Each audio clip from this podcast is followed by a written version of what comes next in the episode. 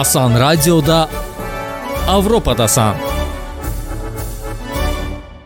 Hər vaxtınız xeyir Asan Radio dinləyiciləri. 100 FM dalğasında Avropadasan proqramıdır. Sizinlə mən Şəfəq Mehrəliyeva Azərbaycanın da bir hissəsi olduğu Avropa bölgəsi, xüsusilə də Avropa İttifaqı və onun üzv dövlətləri barədə danışırıq. Avropadasan ötən həftə sonu səfərə çıxmışdı. Amma tək deyil, Avropa İttifaqının Bakıdakı nümayəndəliyi və ittifaqa üzv olan 12 digər ölkənin səfirlikləri ilə 9-10 iyun tarixlərində kiçik bir avtomobil karvanı ilə biz hamımız cənub mirvarimiz Lənkərana yollandıq. Ay lolo Avrupa İttifakı Lənkəranda.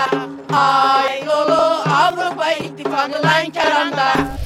Bəli, bəli, səfərimizin başlığı da elə məhz belə idi. Ay lolo Avropa İttifaqı Lənkəranda. Gedəcəyimizi sürpriz filan da etmədik. Düz bir həftə əvvəl Avropa İttifaqının Bakıdakı səfiri Peter Mixalko sosial media səhifələrindən Lənkəran Astara bölgəsinin sakinlərini orada keçiriləcək Avropa şəhərciyinə qoşulmağa dəvət edirdi. Əziz Lənkəran Astara regionunun sakinləri 10 iyun şənbə günü sizi Avropa şəhərciyində gözləyirik.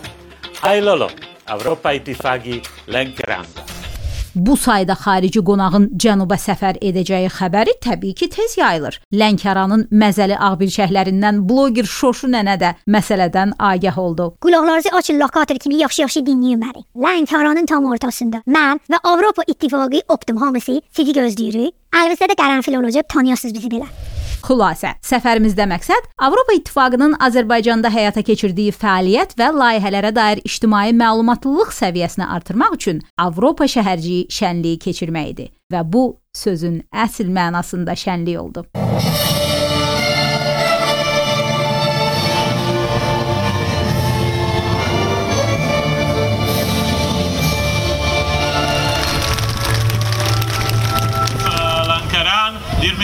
Deputy Minister of Economy of the Republic of Azerbaijan,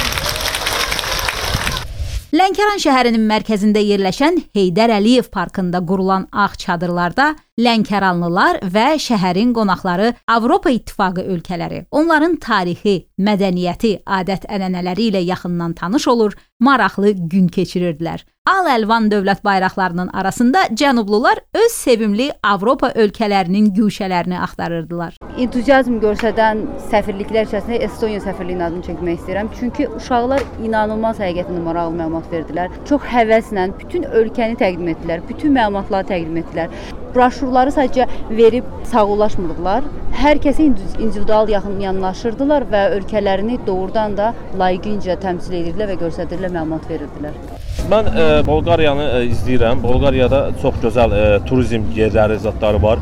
Orada demək olar ki, qonaqpərvərlik, e, bu günləri də onlar demək olar ki, mən özüm orada yox, onlar özləri burdadılar. Avropa səyahət kimi. E, də ki, Avropada özüm istirahət edirəm. Çünki Avropa özü Lənkərandadır. Şəhərimizdə belə bir tədbir keçirilməsi çox yaxşıdır. Sanki Avropaya səyahət etmişəm kimi də. Ən çox bəyəndiyim ölkə də Litva oldu. Oradakı insanla şəkil çəkdirdim, ingilis dilində danışdım. Məncə yaxşı bir layihədir. Yəni yeni bir ölkələrin ad yeni adətlərlə tanış olduq. Ən çox sevdiyim isə Almaniya oldu. Çünki Almaniyada əvvəlcədən marağım olub, həm təhsilinə, həm ad sənələrinə. Bu festival ümumiyyətlə çox qəşəng oldu. Dünya görüşümüz artdı və fərqli-fərqli ölkələrdən e, yeni insanlar tanıdıq. Ən çox Belçika. Çünki mən özüm də Belçikada oxumaq istirdim, amma alınmadı. Burada çox gözəl bir e, təşəbbüs yaranıb ki, yəni hər bir kəs, adi bir sıravi insan e, hər hansı bir Avropa ölkəsindən məlumat əldə edə bilər. Mən bir neçəsində olub gəzdim. Yəni hamısını hələ tam gəzə bilməmişəm. Yəni e, Latviyada, Litvada, Estoniyada, bax Polşada, Rumuniyada, yəni çox gözəl bir şeydir. Qısa da olsa, yəni bir məlumat əldə etmək olar. E, burada əylənirik, həm də hədiyyələr alırıq. E, bura yəni çox gözəldir. Yəni xoşuma gəldi, yaxşıdır. Belçika. Çünki orada həm bayraqlar verirlər, həm orada e, atışdırmalıq yeməklər verirlər, həm də əyləncəli şəkillər falan çəkirik. Belə bir tədbirlər məncə çox tez-tez olmalıdır. İnsanların dünya görüşünü inkişaf elətdirmək üçün və gənclərə işlərində uğur qazandırmaq üçün, onlara motivasiya olmaq üçün məncə belə tədbirlər şəhərdə və digər rayonlarımızda da keçirilsə daha gözəl olacaq. Tədbirə gəldikdə ilk öncə ölkələrin tarixi ilə və gəzintili yerləri ilə maraqlandım. Ən çox marağımı Çexiya cəlb etdi. Çexiyada əsasən gəzintili yerlər, otellər və daha çox opera mərkəzləri daha çox diqqətimi çəkdi. Uşaqları da gətirmişəm.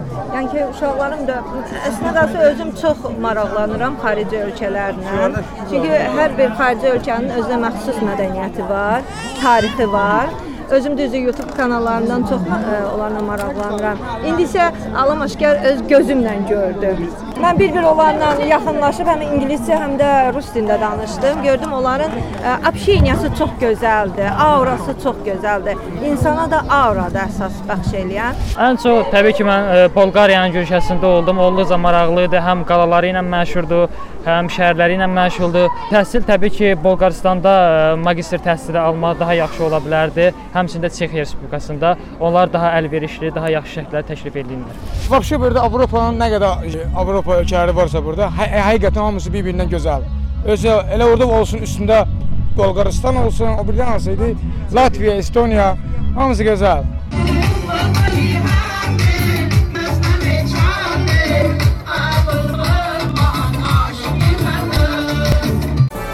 Avropadasan.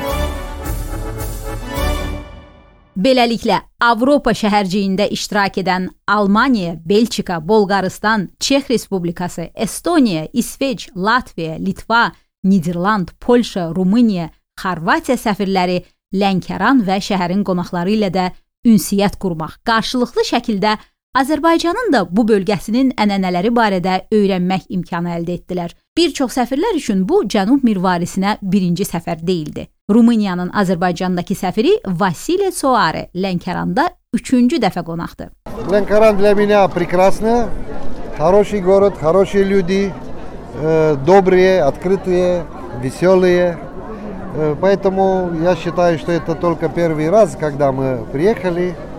Э, Будем э, почаще посетить ваш регион и ваш город.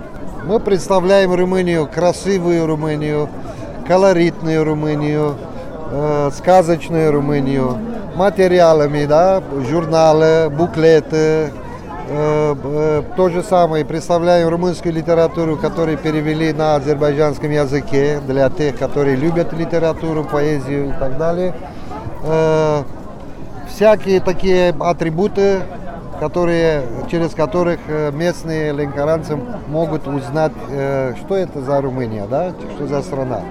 Конечно, есть и кулинарная составляющая, немного готовились специфические традиционные, скажем, закуски для того, чтобы узнать, э, кто мы такой, как народ румыны, да. Polşanın Azərbaycandakı səfiri Rafal Paborski isə bunları. So we are very glad that we are part of this project. It is the second time that Avropalı tərəfdaşlarımızla birlikdə Lənkərana ikinci səfərimizdir. Bu layihənin böyük əhəmiyyəti var. Çünki Azərbaycan və Avropa İttifaqı cəmiyyətlərini yaxınlaşdırmağa səbəb olur. Mən səfirliyin bütün heyəti ilə birlikdə burada Polşanı təmsil edirəm. Həm Avropa İttifaqı üzvü, həm də ayrıca dövlət kimi. Şadam ki, bu tədbirlə özümüzü Lənkəran qonaqlarına daha yaxşı tanıda bilirik. Also to present Poland to Lenkaran and to visitors of Lenkaran. Avropa İttifaqı ölkələri səfirliklərinə şəhərcikdə dəstək olan və yeri gəldikdə Lənkəranlılara tərcüməçilik edən isə gənc Avropa səfirləri idi. Avropanı Lənkəranda kəşf etmək üçün təşkil edilən Avropa şəhərciyi Bakıdan gedən diplomatların 2 günlük zəngin səfərinin yekunu idi. Onlar həmçinin Lənkəran şəhər icra hakimiyyətində görüş keçirib yerli tərəfdaşlarla hazırda cənub bölgəsində həyata keçirilən EU for Lənkəran, Avropa İttifaqı Lənkəran üçün layihəsinin irəliləməsini də müzakirə etdilər.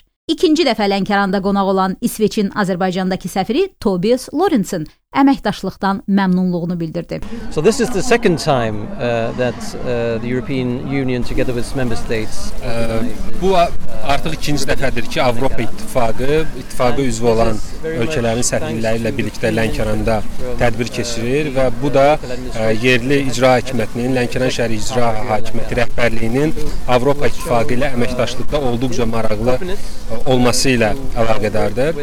Ə, Biz ə, ə, bugünkü e, sərgidə İsveç səfirliyinin stendində e, sərgini ziyarət edən şəxslərə İsveçdə təhsil imkanları ilə bağlı məlumat veririk. İsveçdə e, təhsil üçün təqaüd imkanları ilə bağlı məlumat veririk. İsveçin mədəniyyəti, İsveçin mətbəxi ilə bağlı məlumat veririk. Bizim stendimizdə İsveç mətbəxi ilə bağlı çox yaxşı, maraqlı bir broşur var və digər məlumatları biz çalışırıq ki, Azərbaycan vətəndaşlarına Lənkəran ictimaiyyəti ilə paylaşaq ki, onlara maraqlı olan Azərbaycan mədəniyyəti ilə İsveç mədəniyyəti arasında üstə düşən məqamları görə bilsinlər. Uh, the, the many things that overlap with your own cultural and traditions and, and values. Lənkəran Dövlət Universitetində isə Avropa səfirlərinin Avropa İttifaqının layihələrinin benefisiarları ilə görüşü təşkil edildi. Onlardan biri Rəftarə Şükürova özünün Citrus Valley, Citrus vadisi təsərrüfatında diplomatları qonaq etdi.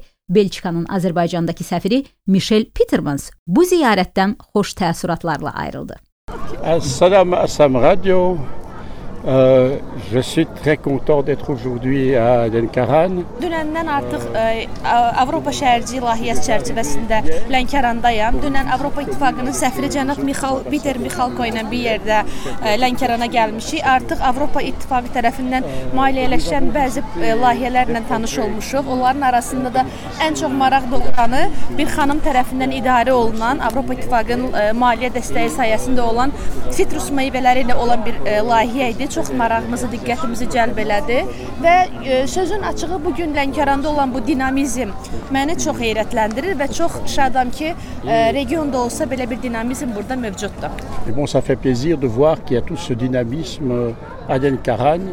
Səfər proqramının daha maraqlı bir hissəsi Latviya və İsveç səfirliklərinin Lənkəran Dövlət Dram Teatrında təşkil etdikləri tamaşaya baxış idi. Yazıçı İsmail İmanın Bir damla günəş, bir nəfəs külək və bir az da sevgi pyesinin mövzusu barədə Latviya Respublikasının Azərbaycandakı müvəqqəti işlər vəkili Via Busha məlumat verdi.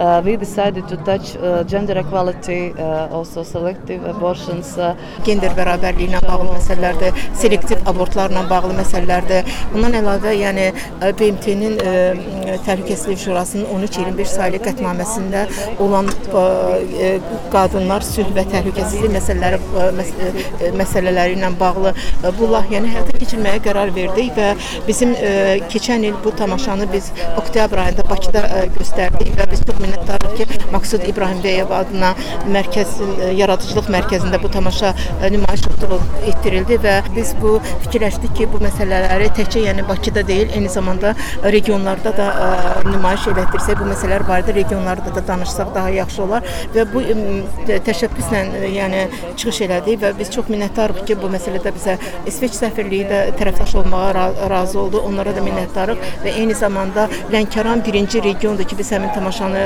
burada nümayiş etdirdik regionlar arasında. Very important also in Azerbaijan, know, yeah. Avropadasanın qoşulduğu bu 2 günlük Lənkəran səfəri həm cənublular, həm də Avropalı diplomatlar üçün çox saylı xoş xatirələrlə yadda qaldı. Avropa İttifaqının Azərbaycandakı nümayəndəliyinin rəhbəri səfir Peter Mixalko. I want to greet uh, listeners, uh, the audience uh, of Avropadasan. Thank you very much uh, for being with us also today. Thank you very much. Avropadasan proqramının auditoriyasını, həmçinin dinləyicilərini salamlamaq istərdik.